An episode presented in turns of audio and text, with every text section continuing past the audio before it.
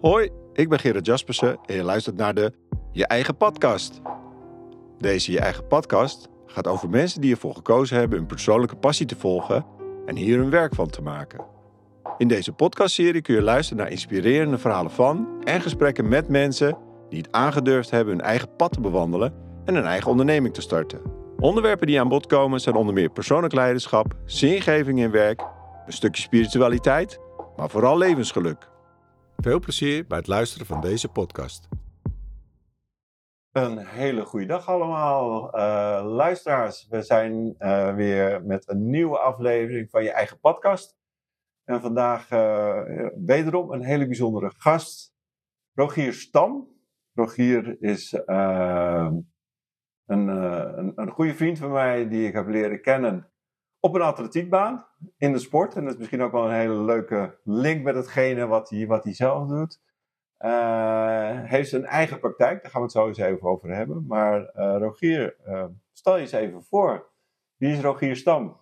Ja, nou dank voor deze introductie tot zover. In ieder geval de herkenning op de atletiekbaan was een mooie. Ik ben 39 jaar oud. ik heb nogal wat verschillende paden bewandeld. Ja. Uh, dus vandaar dat ik het erg leuk vond om, uh, en vind om hier aanwezig te zijn. Uh, woon in Beverwijk. ben vader van twee kinderen, getrouwd. En daarnaast eigenlijk voortdurend bezig met persoonlijke ontwikkeling. Ja, je hebt een eigen bedrijf. ja. Your Mind Opener. Klopt helemaal, ja. Um, hoe ben je daar zo toe gekomen? Want toen ik jou leerde kennen, ja. Kan ik mij herinneren dat jij iets met het onderwijs deed? Uh, we zijn er toen niet heel erg heel diep op ingegaan, maar, maar nee. kun je heel even ons terugnemen naar die periode? Dat we heel hard aan het lopen waren op dat we ja, dat ik zeggen, leuke gesprekken hadden. Ja, ik wou zeggen, dat heeft ook een reden dat we er misschien niet naartoe gekomen waren. Want het was nogal draven, uh, de rondjes. Zeker. Bij uh, Dem Atletiek was dat. Ja, ik ben... Uh, ik zat toen in het onderwijs. dat heb ik een jaar of veertien al met al gedaan. Ehm, en ik merkte dat, ehm, ja, dat, dat het lesgeven vond ik, uh, vond ik leuk, maar ik miste eigenlijk iets. Ehm, maar wat is dan de grote vraag? Uh, toen, ja, eigenlijk samengevat, ben ik op zoek gegaan naar mijn eigen sweet spot. En dat is eigenlijk precies de, de samensmelting van mijn passie, mijn talent en ook mijn persoonlijkheid.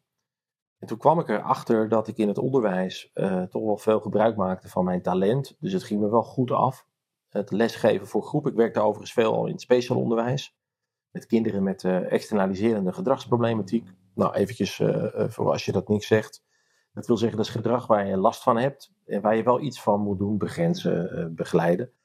Maar ik leerde daar wel dat het gedrag wat men laat zien. altijd een boodschap is voor wat anders. En de manier van lesgeven, het doseren. Um, ja, dat, dat is toch vaak antwoorden geven op vragen die helemaal niet gesteld zijn door de, de leerlingen. Hm. En toen dacht ik, ja, om de leerlingen te bereiken, zeker die in eerste instantie niet warm lopen voor school, zal ik een andere manier moeten bedenken. Ik zal een andere ja, strategie moeten ontwikkelen, zodat de leerlingen zelf ook denken van, nou, ik, ja, ik ben eigenlijk wel benieuwd om op zoek te gaan naar een vraag. En als ze zelf een vraag hebben, dan gaan ze nog harder lopen om het antwoord te, te halen. Um, en ik merkte dat, dat in het onderwijs werd het steeds moeilijker.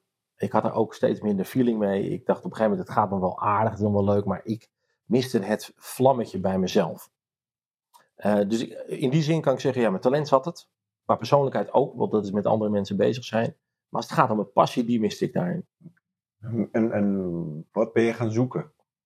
Nou, dat is nog hartstikke lastig, want behalve dat je docent uh, het uitvoert, dus je bent niet zozeer je vak, werd iedereen uh, in mijn omgeving die ik daarover sprak, ja, die, die, die zei eigenlijk zoiets van, ja Rogier, uh, ja, ja, je bent toch docent, je hebt dat toch gekozen. En uh, die, zagen, die zagen mij ook op die manier. Hm. En om daarvan los te komen, dat kostte me tijd. En best ook wel wat energie. En dat maakt je ook wel onzeker op zo'n moment. Dat je denkt, ja, ja, misschien moet ik het ook wel doen. Misschien is het ook maar een fase waar je in zit. Ja. Um, en ik ben uiteindelijk naar een loopbaancoach gegaan. Heel goed. Dus ik heb intern een aantal uh, wisselingen gemaakt, ook in het onderwijs. Dus ik andere, uh, niet meer speciaal onderwijs, maar naar het MBO, uh, MBO naar het basisonderwijs. Dus ik heb eigenlijk het, hele palet van onderwijs bekleed. En toen merkte ik, daar ligt het eh, echt niet, je moet wat anders doen. Dus toen naar die loopbaancoach.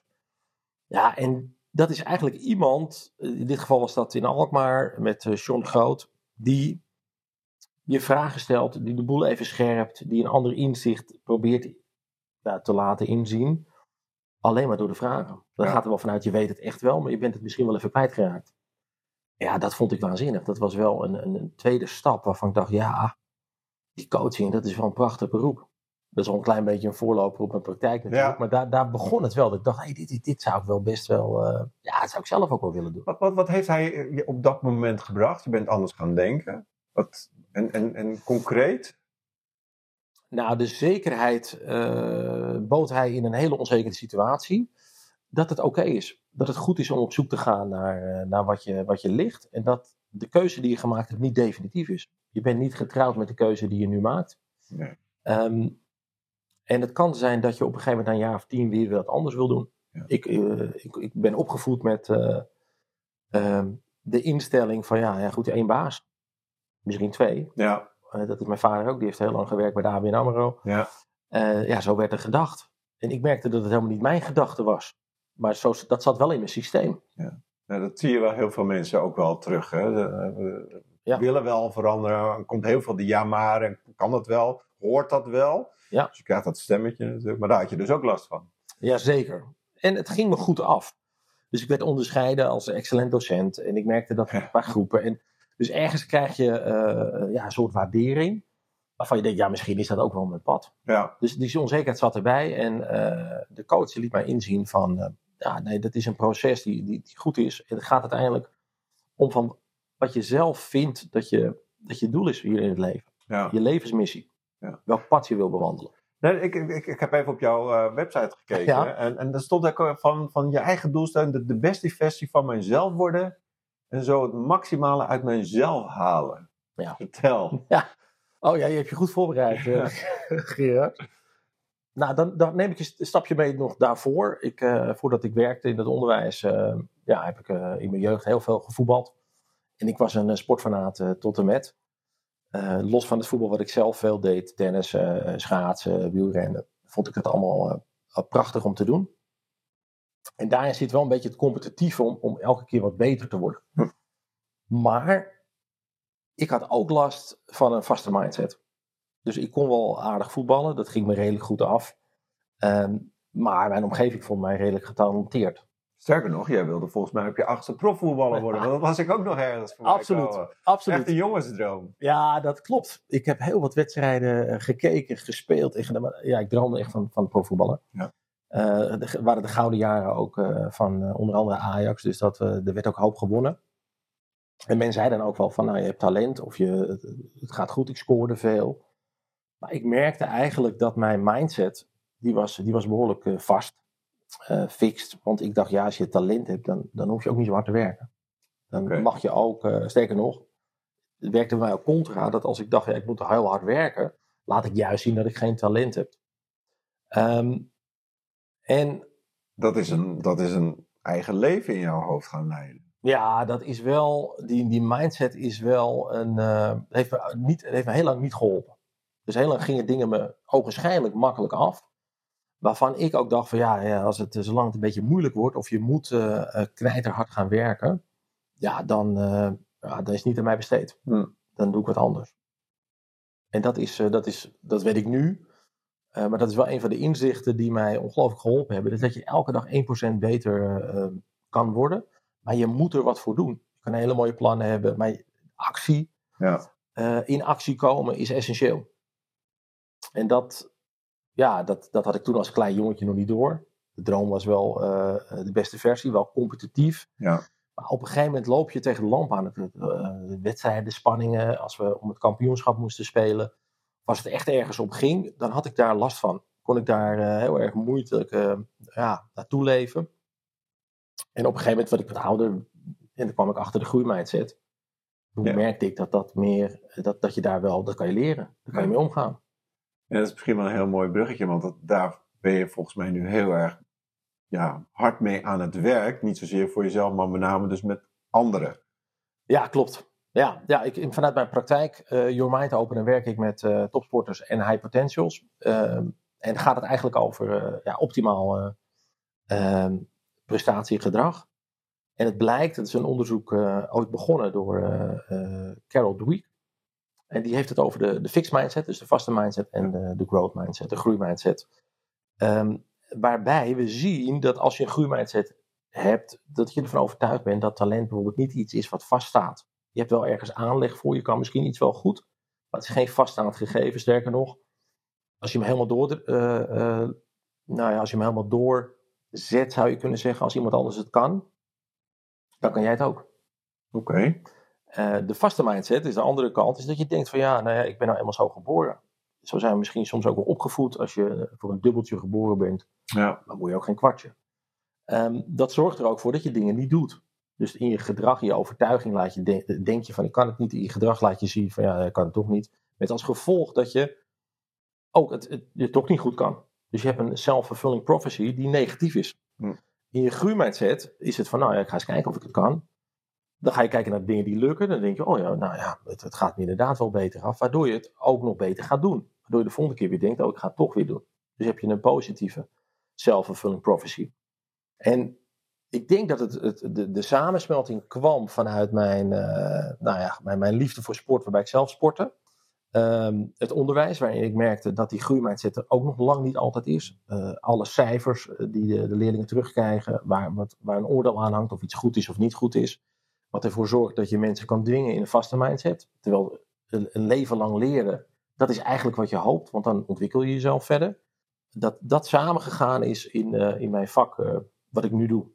Dus groeimindset is absoluut de basis. Dat je gelooft dat je kan veranderen. Ja. Want iedereen kan het. Ja. We hadden het net even, hè? je refereerde nog aan, aan, aan, je, aan je, vader. Uh, je bent ook opgegroeid met eigenlijk een soort fixed mindset. Is het, is het de generatie ding ook? Zie je bijvoorbeeld jongeren nu anders kijken naar of hebben die daar ook last van? Ja, goede vraag. Kijk, het is wel, eh, dat is nog eventjes handig om te zeggen, je hebt niet of een vaste mindset of een groeimindset. Okay. Dus je hebt ze allebei, we gebruiken ja. ze ook allebei. Sterker nog, de ene persoon of situatie kan er ook voor zorgen dat je in je vaste mindset uh, schiet. Um, nou, ik denk als dingen je ogenschijnlijk makkelijk af kunnen gaan, dan kan je, uh, dan, dan, kan je ervoor moeten waken dat je niet te veel denkt van, oh ja, het, is zoals ik ben. Uh, het is een vaste gebeuren en ik, ik, kan niet meer groeien. Um, het heeft heel erg te maken ook met onderwijs. Hoe draai je op school? Hoe uh, zijn de cijfers? Hoe zijn uh, je omgang met je, met je klasgenootjes, met je vriendjes? Maar ook thuis, wat, uh, wat krijg je mee? Hm. Dus ik denk dat het niet per se een generatieding is. Waarbij ik wel zie dat de jongere generatie wel veel meer al kunnen ja, indenken, bedenken dat er misschien wel meer mogelijk is. Ja. Dus daar zit wel een verschuiving in. Maar dat is misschien ook de tijdgeest. Uh, los van de, van de opvoeding. Ja. Hoe, hoe ja, kan je het leren?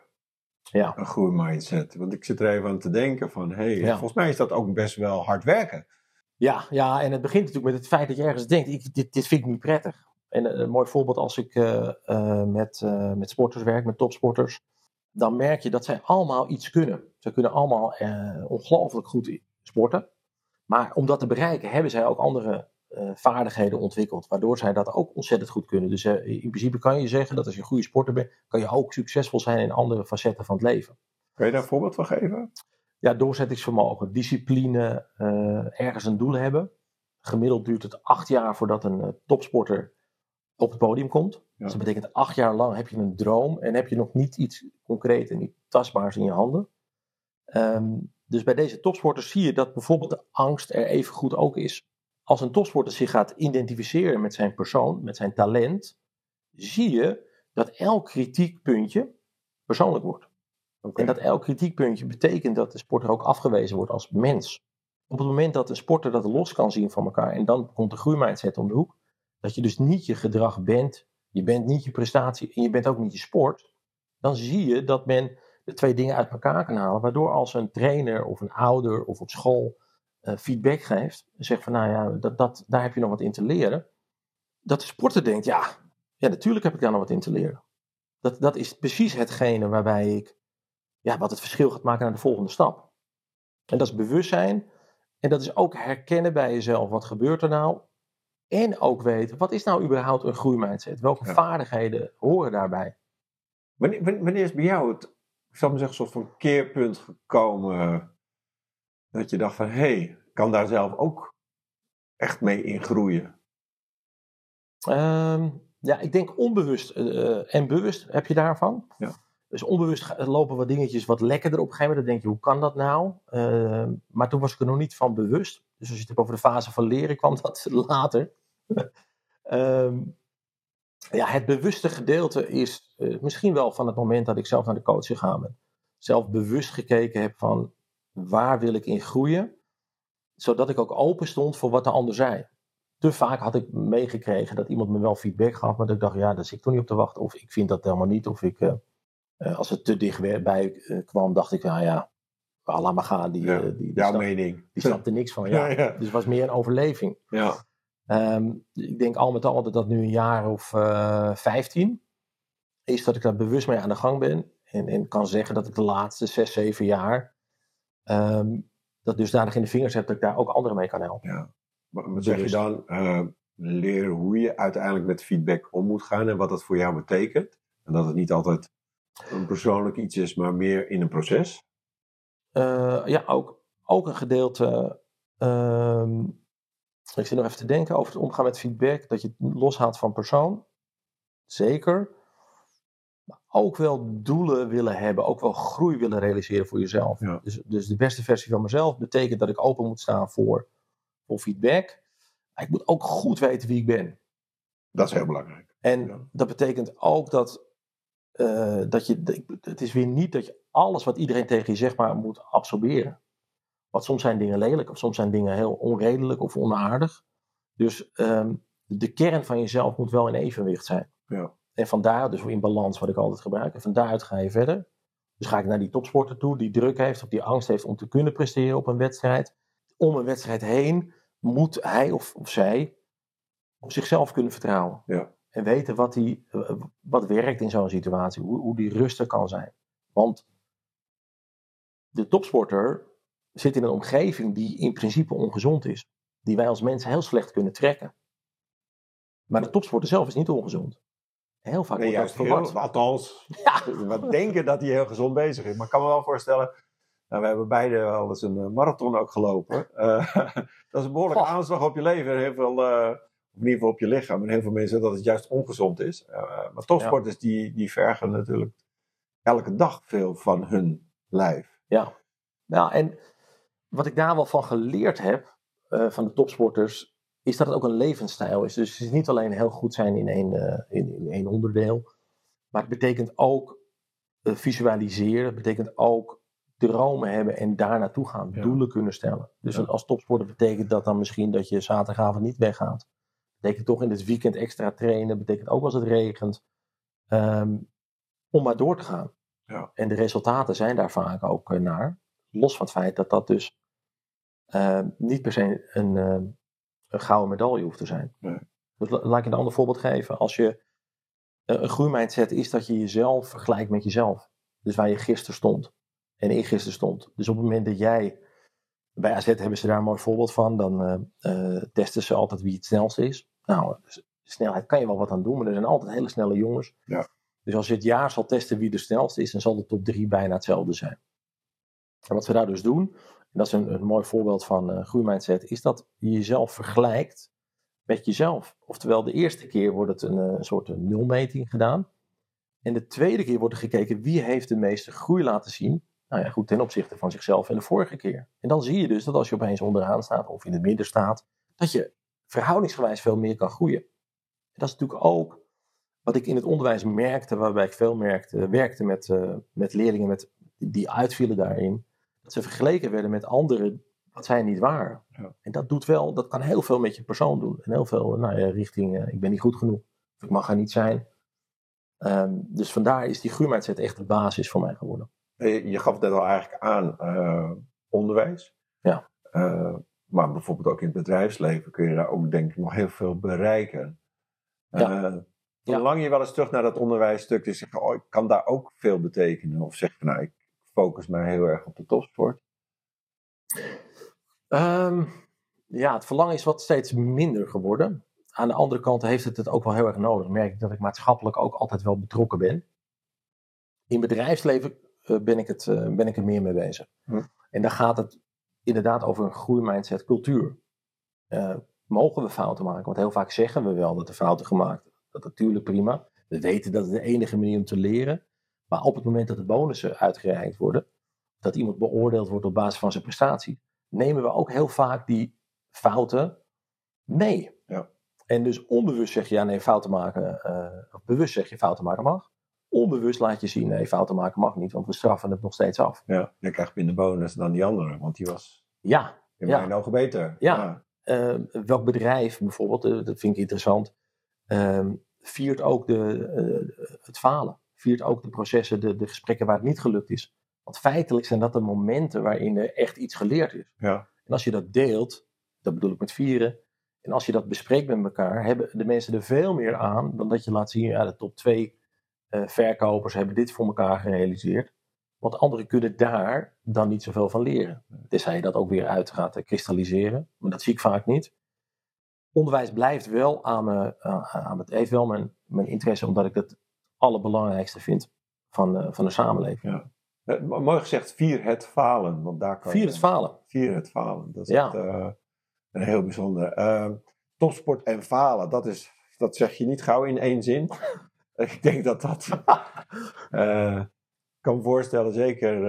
in, in, nou ja, ik denk dat wij heel veel mo- mooie topsporters hebben. Maar achter jou staan er nog Ja. een aantal jongens en meisjes die graag jouw positie willen hebben. Die misschien wel aan jouw stoelpoot zitten te zagen. Ja, die druk is gigantisch. Ja, ja. Wat, wat zie jij dan terug bijvoorbeeld bij de mensen waar je mee, mee aan het werk eh, gaat? Ja, daar zie ik in dat een eh, topsporter in principe meer verliest dan dat hij wint. Omdat de verschillen zo ongelooflijk klein zijn. Ja. Neem bijvoorbeeld ehm, het voetbal, hè, de eredivisie. Ja, er kan maar één ploeg aan het einde van de rit kampioen worden. Ja. Dus dat betekent 17 ploegen niet. Eh, er kan er maar één goud winnen op de Olympische Spelen per afstand. Dat betekent gemiddeld dat het er 19 zijn die dat niet winnen. Dus daarin is het om leren gaan met verlies. Daar zit eigenlijk de grootste winst. Ja. Dus de sporters eh, leren omgaan dat, je, dat goud natuurlijk fijn is. Maar dat een gouden wedstrijd niet je beste wedstrijd hoeft te zijn. Nee. Dus dat je anders gaat kijken naar je prestaties en naar je leveringen. Ehm, en veel meer op in, in korte tijd, in korte doelen gaat denken ook. Van waar zit de groei de afgelopen periode? Wat heb je gedaan? En wees daar ook trots op. Want er wordt ongelooflijk hard gewerkt. Maar je seizoen is niet mislukt als je eh, uiteindelijk niet op een podium bent ge- gegaan. Dan kan je nog steeds een heel succesvol seizoen hebben. Ja. Ondanks dat de, de omgeving eromheen vaak dan denkt van ja, ja, je moet nog harder je best doen. Of, nou ja, goed, eh, Nederland heeft bijna 17 miljoen bondscoaches. Zeker. Ehm, ja, dat, dat maakt het ook heel moeilijk dat je dicht bij jezelf moet leren, leren blijven en kunnen vertrouwen erop. Ja. En niet alleen als topsporter, natuurlijk ook als, eh nou, als hypertensie, ook als, als mens überhaupt. Ja. Hoe werk jij met jouw klanten, met je coaches eigenlijk? Is dat, is dat een wekelijks gesprek wat je mee ze voert? Of eh, ga je, ga je om de job met ze mee? Of ga je het voetbalveld op? Ja, nou, idealiter eh, ehm, heb ik altijd wat ik, wat ik denk dat verstandig is. Maar de praktijk is vaak anders, omdat de, de topsporters natuurlijk over de hele wereld reizen. Ja. Dus online wordt wel eh, eh, gebruikt. Ehm, en dat doe ik, ik. Ik heb altijd eerst een intake om te kijken van wat, eh, wat is het doel, waar willen we naartoe. Ik geloof wel heel erg in eh, eh, langdurigere trajecten, van een half jaar tot anderhalf jaar. Ja. Omdat verandering in gedrag en ook in denken tijd kost. Ehm Eén keer een sessie is, dat kan best wel even helpen, maar je ziet toch dat de terugval in het oude gedrag, in het oude patroon groot is, of snel aanwezig is. Ehm, het aanwezig zijn als de trainer eh, of als de, de sporter traint, of een wedstrijd eh schaatst, of eh, nou, fietst, of rent, Hm. of voetbalt. Het zijn een beetje de hoofdsporten waar ik in actief ben. Is, ehm, is wenselijk om te kijken hoe wordt er gereageerd op aanwijzingen, hoe gaat het om met de druk, zie ik dingen anders ehm, dan dat ik één op één spreek. wat, wat zijn de gedragingen? En heel vaak zijn er onbewust signalen waardoor je ziet dat een sporter, uh, nou ja, hoe die in de wedstrijd gaat zitten. Mooi om te zien dat in een eigen omgeving. Want ik kan me Ja. voorstellen dat je daar Ja. heel veel heel interessante observaties Ja. eh, kan, kan zien die. Nee, klopt. Ehm, dus dat, dat probeer ik altijd te doen. Dus aanwezig zijn bij een training wedstrijd. Hm. Het is veel, ehm, nou, ik denk toch wel om de, om de, om de week. één, twee weken dat er contact is. Ehm, maar soms ook periodes niet. Dus dan is er, als er getraind wordt, eh, kan het minder zijn. Als het om een eh, belangrijk kwalificatietoernooi. Zoals bijvoorbeeld schaatsen, de Nederlandse schaatsers. Hebben één groot kwalificatietoernooi in het begin van het seizoen. Hm. Waarin ze zich kunnen kwalificeren. Nou, de, de concurrentie is echt eh, gigantisch. Dus daar zit heel veel druk om. Dan is, heb ik daarom meer, omheen meer contactmomenten. Ehm, nou ja, goed, en daarnaast ook niet eh, topsporters eh, die, eh, die werken, willen werken aan zelfvertrouwen. Die willen werken aan een groeimindset of aan eh, ehm, een richting in hun leven waar ze naartoe willen. Op zoek gaan naar hun sweet spot. Hè? Ja. Dus de, waar de passie, persoonlijkheid en talent samenkomt. Dan is dat wat meer om de drie weken ongeveer. In, in trajectvorm Ja. vaak dat werk. Die, de, de, de, de groeimindset, hè, Ja. een paar keer eh, heel mooi. Ehm, in hoeverre is dat al doorgedrongen eigenlijk in, in de topsport, maar misschien ook wel in de misschien breedte sport? Wordt, daar, is het, wordt het geaccepteerd om zo eens een keer even los van de activiteit in de sport meer naar het mentale deel te kijken? Ja, dat is een mooie, hele, echt een mooie vraag. Ehm, even kort samenvatten. Wordt het geaccepteerd? Ja? Vinden ze, vinden ze het al, wordt het al geïntegreerd, laat ik het zo zeggen? Ja, ja, ik hoor namelijk wel altijd zeggen, ja natuurlijk, me- mentaal is hartstikke belangrijk. Dat, Ja. dat hoor ik wel. Dus dat, dat vind ik op zich positief. Maar ik zie dat men, als je het over groeimindset hebt, altijd wel denkt dat de groeimindset, dat ze weten wat daarmee bedoeld wordt. Maar dat dat eh, in de praktijk niet gebeurt. En dat zit hem ook vaak in dat, eh, wat ik, het voorbeeld, hè, dat een, eh, een speler een fout maakt in een wedstrijd en gewisseld wordt. Ja, dat zie ik toch regelmatig als ik voetbal kijk. Ja, Ja, en in een, maar feitelijk zou je kunnen zeggen, ja, maar dat is de speler op het veld die het meeste leert. misschien nog harder zijn best gaat doen op dat moment. Ja, en, en die gaat, ja, als iemand, als hij heel van het kastje naar de muur eh, wordt, eh, wordt gestuurd, zijn dat allemaal leermomenten. Om Ja. nog meer om te gaan met, met, met iemand, een speler die beter is. Ja. Een tegenstander die Mooi. sterker is. Mooi. Nou, als het gaat om het betaalde voetbal om het eerste, dan gaat het om het resultaat. Maar om de jeugd gaat het natuurlijk om opleiden. En als je het over opleiden hebt, je zegt, ja, opleiden vinden wij het allerbelangrijkst. Zou je die speler dus moeten laten staan. ja. Want dat is de enige die volledig aan het leren is. 4 het 12 waar we het begin van het gesprek over hebben. Het Ja. is eigenlijk, ja, Ja. daar gaan er allerlei belangen natuurlijk meespelen. Eh, Uiteindelijk willen ze die, die pot mee naar huis nemen, die, die punten. Ja, ja want dat, dat, dat vindt men dan al heel belangrijk. Ja. Terwijl eh, het, het gaat om de leermomenten. en je zou kunnen zeggen, de beste speler zou je van het veld kunnen halen. Want die heeft het meest eenvoudige. Want omdat zijn tegenstander niet sterk genoeg is. Ja. Of de beste speler op dat moment eh, zet hem eens op een andere positie. Ja. Eh, en die, die ontwikkelingen zijn er wel. Maar te vaak wordt er nog voor het, voor het korte termijn geluk, zoals ik dat noem, Ja, gekozen. ja. Toch die winst, die toch die winst, ja. En niet verder kijken van, hoe Nee. kunnen we verder groeien te doen. Nee, en Er is nog een aanvullend. behoorlijke taak nog voor je weggelegd. Ja, maar ja, want nee, maar aanvullend zit er dan ook, ook bij. Men zegt wel mentaal is belangrijk. Ja. Als ik de vraag bijvoorbeeld stel, wie zegt 50% is mentaal? Nou, dan gaan alle handen omhoog. Ehm, en als ik dan vervolgens vraag, maar wie traint er ook 50% van zijn arbeid, van zijn trainingen op het mentale vlak? Dus preventief, nooit een hand die omhoog gaat. Nee. Terwijl als we het zo belangrijk vinden en als het echt het verschil maakt in hoe hoger je komt in je spel, hoe belangrijker het is. Maar vergis je niet, goede banen, of, goede banen, in ieder geval banen met veel druk. Ja. Daar heb je ook te maken met, eh, eh, met het mentale vlak. En de- preventief kan je daar ongelooflijk goed mee aan de gang. Zijn de technieken, methodieken eh, die bewezen zijn en die werken. Ja. Maar men doet dat dan toch nog niet. Dus men, ergens is het wel oké. Ergens wordt het ook wel meer normaal, om het zo maar te zeggen. Maar om het dan een plek te hebben om te trainen. Ja, 50% van je tijd daar, eh, oeh, Ja. kunnen we ook het krachthonk ingaan of op, op het Ja. veld of nog wat rondjes lopen of Ja, exact. Exact. technieken weer even bijscherpen. Dus eh wat is Ja. aan jou is gewoon de taak om daar dus eigenlijk meer tijd voor te claimen. Ja, ja onder andere aan mij inderdaad. Ja. Ja. Dus je ziet dat daar ehm, Wie, Ook wat meer wie, spreek je eigenlijk eh, eh, daarop aan? Is dat dan toch meer de managers van bijvoorbeeld sportclubs of is het individuele sporten? Of, of... Kijk, in een teamsport kan ik me voorstellen dat een trainer of een, een manager natuurlijk een hele belangrijke rol speelt. Uh, of komen er ook wel individuele sporters naar jou toe? Van, even los van ja. waar ik sport, ik heb gewoon nu hulp nodig. Ja.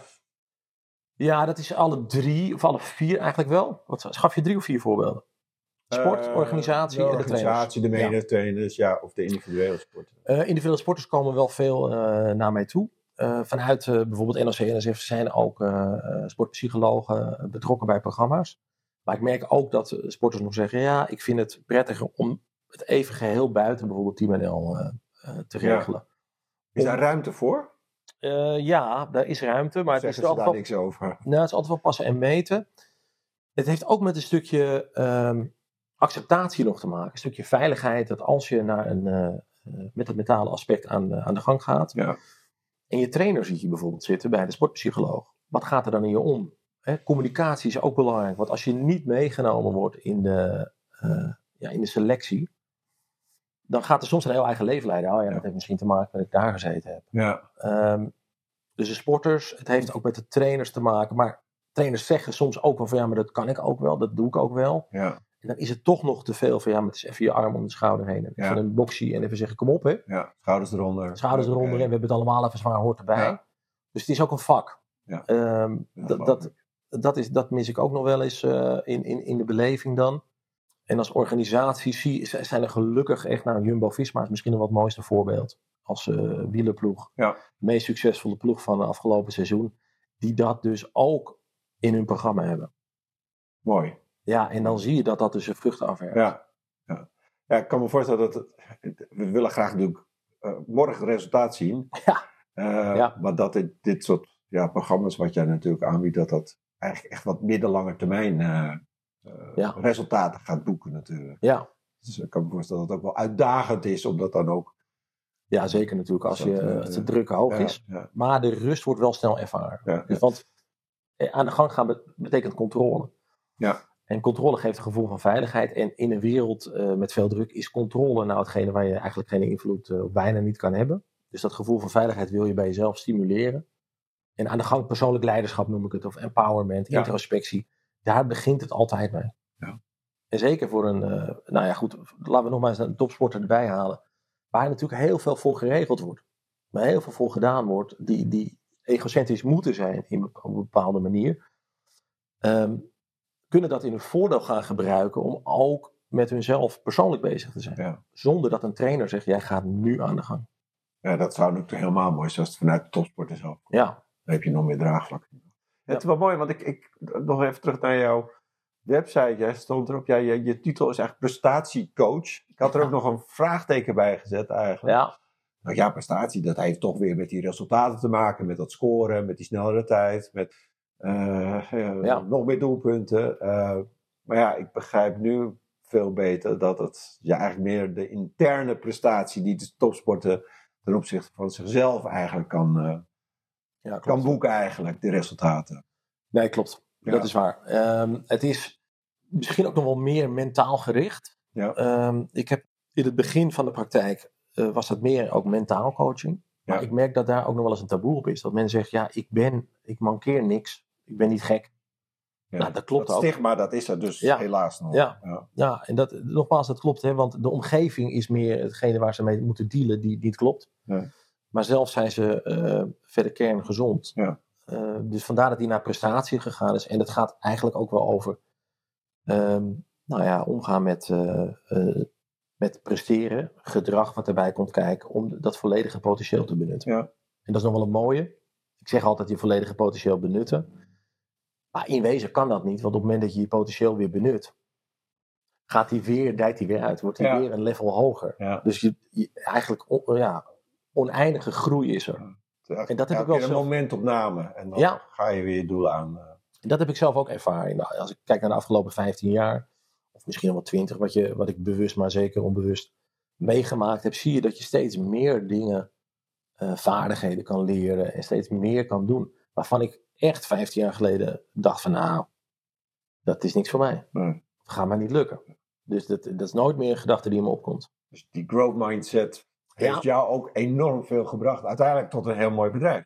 Ja, ja nou, als, eh, de marathon waar je het over had. Wij kennen elkaar natuurlijk van, eh, eh, van het draven op de velden. Ja. Althans, eh, om het veld heen. Ehm, ik liep daar na zes kilometer, kreeg ik het gevoel van mijn benen van ja, Rogier, het gaat het vandaag niet echt worden. Hm. Nou, dat betekent, uh, meestal loop je er wel uit.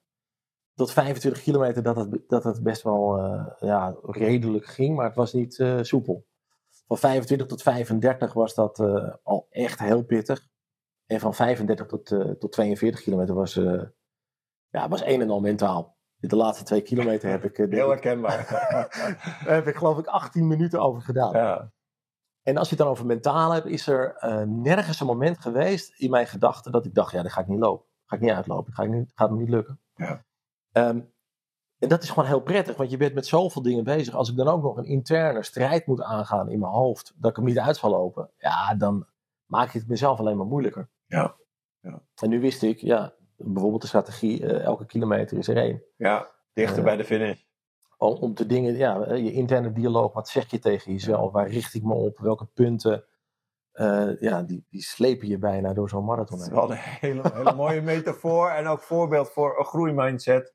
In dit geval in 42 kilometer en 195 meter lang. Volgens mij was dit Amsterdam en het regende ook volgens mij. Het was niet echt de meest ideale omstandigheid. Nee, nee dat klopt. Maar wel uitgelopen. Uitgelopen, ja. ja. En, en tijd doet er niet toe. Uh, nee. Je hebt hem uitgelopen, dat is belangrijk. Ja, en dan weer meenemen van, ja, ja goed, ik ga trainen uh, toch niet helemaal tevreden. Dus, ja. uh, de, de, dus voor de volgende ga ik ja, daar weer van leren. En ga ik weer mezelf vergelijken ja. met deze marathon. En dan heb ik genoeg momenten waarop je kan kijken van, hey, dat gaat beter of niet. En het weer, ja goed, ook daar... Dat zijn externe factoren waar je geen waar je geen invloed op hebt. Nee, dus ik kon me heel erg druk om maken, heb ik ook niet gedaan. Nee. Ja. Heel goed. Dus nou, ik vind het een mooi voorbeeld van je eigen persoonlijke uh, groeimindset. Waarschijnlijk als je hem tien jaar geleden had gelopen, had het uh, anders geweest. ik bedoel, ik, ik heb tegen ja. dezelfde struggles aangelopen. Ja. maar ook hier heb ik dan wel weer heel veel van geleerd. wat ja, ik nu voor jou hoor. Dat is, dat is okay, afgelopen zeker. Ja, absoluut, absoluut. Um, hoe kunnen mensen jou vinden? Zeg, hey, ik wil eens wat meer weten over groeimindset, ik ben een sporter of uh, loop tegen een aantal andere dingen aan. Uh, hoe kunnen ze je vinden? Nou, ik heb een eigen website. Dat is uh, yourmindopener.nl. daarop staat nou, via mail of via, via de chat of zelfs gewoon telefonisch. Ja. daarnaast ben ik ook actief op LinkedIn. Oké. Okay. Wat ik overigens leuk vind ook om, om, om, te verbinden met mensen. Dus als je denkt, nou ik vind het interessant of ik wil eens kijken. En ik ken je nog niet, wees welkom. Ja. Want dat uh, vind ik een mooie kracht van het medium. Ik ga in ieder geval even jouw gegevens uh, onder de podcast uh, neerzetten. Dat de mensen het nog eventjes kunnen lezen. Um, hoe zie jij jou, jouw eigen groeimindset, maar ook met je business over, over een aantal jaar? Ja, dan, dan denk ik dat wij behoorlijk, dat de vraag groter wordt. Dus dat het steeds meer bewustzijn wordt bij de mensen. Waardoor wij als bedrijf daar echt kunnen helpen om de mensen... Um, de high potential en de topsporters mentaal beter te begeleiden. Goed te begeleiden, zodat ze hun maximale potentieel benutten. Um, en tegelijkertijd ben ik ook zelf met van alles en nog wat bezig. Dus dat als voorbeeld, ik heb, ik heb zelf ook drie coaches bijvoorbeeld. Eentje voor, me, uh, voor de voeding, en eentje voor het sporten en eentje voor de business bijvoorbeeld. Dus dan, ja, dan zal ik misschien wel in het buitenland zitten meer. Mooi. Dat is wel, wel, wel de langere termijn doel. Om daar ook, uh, ja, we hebben maar één leven, om die ook volledig, uh, heel goed. Ja, mijn mooiste leven te leven, om dat maar zo te zeggen. Ik vind het een mooie afsluiter. Leef je mooiste leven. En Ik eigenlijk de beste versie van jezelf worden. Zoals Mooi. je schreef op je website. Ja. Ja, Dankjewel Rogier. graag gedaan. Jij bedankt. Heel graag gedaan. En jullie bedankt voor het luisteren. En tot de volgende Je Eigen Podcast. Leuk dat je weer geluisterd hebt naar deze aflevering van Je Eigen Podcast. Wil je de volgende aflevering niet missen? Druk dan op de volgknop en het belletje. Dan weet je meteen wanneer de volgende aflevering beschikbaar is. Wil je zelf ook op zoek naar jouw passie in je werk? Kijk dan gerust eens op mijn website www.gerardjaspersencoaching.nl En als je deze podcastserie leuk vindt, laat dan even een beoordeling achter met behulp van de sterretjes. Tot de volgende podcast.